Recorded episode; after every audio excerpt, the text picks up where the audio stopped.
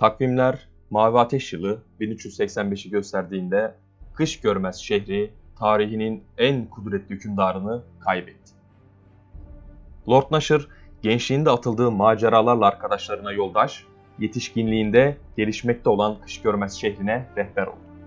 Onun yönetiminde şehir inleten ölüm salgın hastalığıyla mücadele etti, birçok ork saldırısını bertaraf etti ve diğer şehirlerle olan güç mücadelesinden alnının akıyla çıkmayı başardı. Kış görmez, Lord Nasher Alagondar'ın yönetiminde kuzeyin mücevheri ihtişamına kavuştu. O iki evladını kış görmezi emanet ederek göç etti bu dünyada. Birisi Vers Never, diğeri kendisinden sonra kış görmez hükümdarı olacak olan Ben Alagondar. Ben Alagondar'ın kış görmez yönetimini devraldığı yıl Toril'de ve diğer düzlemlerde büyü ve baskı felaketinin habercisi olan ateş fırtınaları ortaya çıktı. Toril'de ilk olarak Çult Yarımadası'nın yakınlarındaki Haldruan'ın batısında bulunan Mihail ormanlarında başlayan bu fırtına hızla büyük boyutlara ulaştığında Haldruan büyücüleri fark etti ki büyülü düzenin yaratıcısı Misra ölmüş ve büyü örgüsü bozulmuştu. Büyü örgüsü ham büyünün ölümlülerin kullanımına sunma biçimiydi. Peki nasıl oldu da Tanrıça Misra öldü ve bu felaketler başladı? Taylı bir büyücü olan Yafil kehanetinde der ki, Beyaz kraliçe huzursuz ama nedenini söyleyemiyor. Siyah kraliçe beyaz kraliçeden nefret ediyor ve suikastçıya siyah bir pelerin bahşediyor. Gölgelerin arasında sessizce süzülen suikastçı beyaz kraliçeyi kaçırıyor. Sonra ıslık çalarak inerken kılıç darbesi beyaz kraliçe düşüyor, şehri düşüyor. Ağaç cayır cayır yanıyor ve rüzgarla savruluyor. Dalları kırılıyor, bükülüyor, tekrar büyüyor. Nasıl olur da kahini ezmek için mağara taşları tepelerden koparak düşerken o bunların hiçbirini göremiyor. Bu kehanete göre Beyaz Kraliçe tüm sihrin annesi Tanrıça Misra, Siyah Kraliçe gecenin hanımı Tanrıça Şar, suikastçı Yalanlar Prensesi Irik, kahin her şeyi gören Tanrı Savras, şehir Tanrıça Misra ve Savras'ın evi olan büyünün kalbi düzlemi, ağaç ve mağara ise evren ağacı kozmolojisinde tanımlanan evrenin mevcut yapısını ve sihirli düzeni ifade etmektedir. Evrenin yaratılış hikayesinde Gümüş Lady Selun ve Karanlık Tanrıça Şar arasındaki savaşın ilk dönüm noktasında Selun'un kendi özünden meydana getirdiği büyülü parçayı şara fırlatması sonucu yaratılışı gerçekleşen ilk büyü tanrıçası Misril'i hatırlıyoruz. O hem karanlıktan hem aydınlıktan var olmuştu ve tercihini ilk annesi olan Selun'dan yana kullanmıştı. Bu kehanette adı geçen Misra, Misri'nin reenkarnasyonudur ve ilk dönüm noktasından yüzyıllar sonra karanlık ile aydınlığın savaşında başka bir dönüm noktasına denk gelmekteyiz. Karanlıklarda alacağı intikamı bekleyen Tanrıça Şar, sıkıntılar zamanında tanrılık mertebesine yükselmiş, yozlaşmış eski paralı asker yalanlar Prenses Sirik'i kullanarak Tanrıça Misra'yı öldürtür ve kendince intikamını almıştır artık. Bununla yetinmeyen Tanrıça Şar bizzat büyü tanrıçası Misra ve kahin tanrı Savras'ın evi olan büyünün kalbi düzlemini de yok ederek büyü örgüsünü tamamıyla işlevsiz bırakır.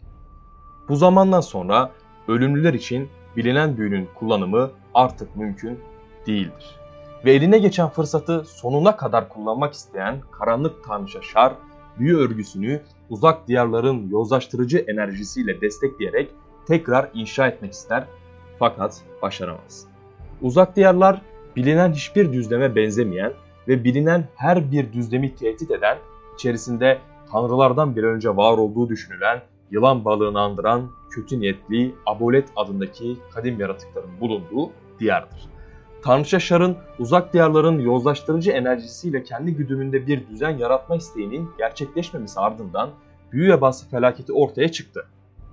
Gökyüzünde ve yeryüzünde, Toril'de ve diğer bütün düzlemlerde mavi dalgalar halinde dokunduğu her şeyi yok ederek ilerleyen korkunç bir felaketti bu.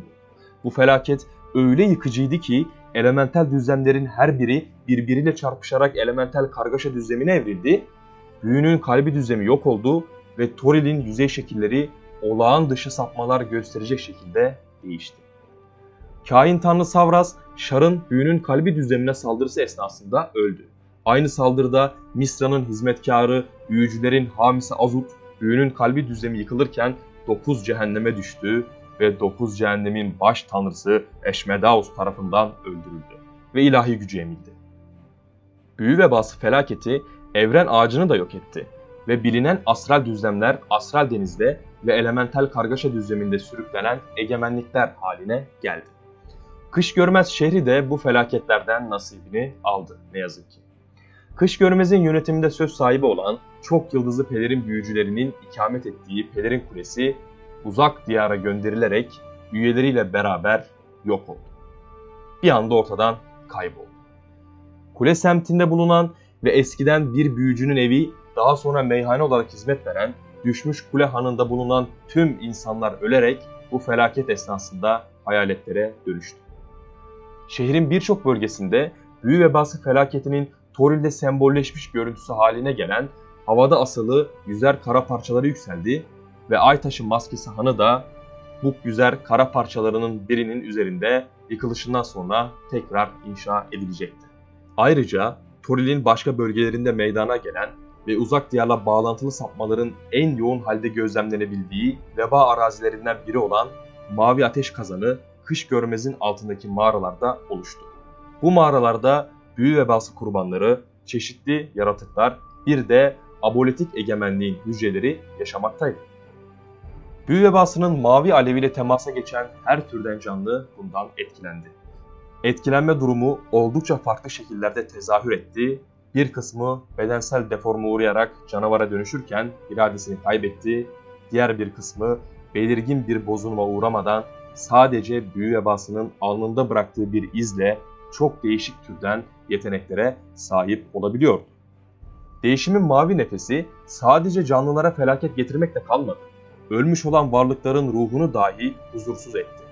Bunun nedeni Tanrıça Şar'ın gölge düzlemine ektiği ölüm özünün bir sonucu olarak Toril'de yaşamış, vadesini doldurmuş, iradeye sahip her varlığın ruhu direkt olarak fük düzlemine geçmesi gerekirken daha sonra gölge düzlemine de uğramak zorunda bırakılmasıydı.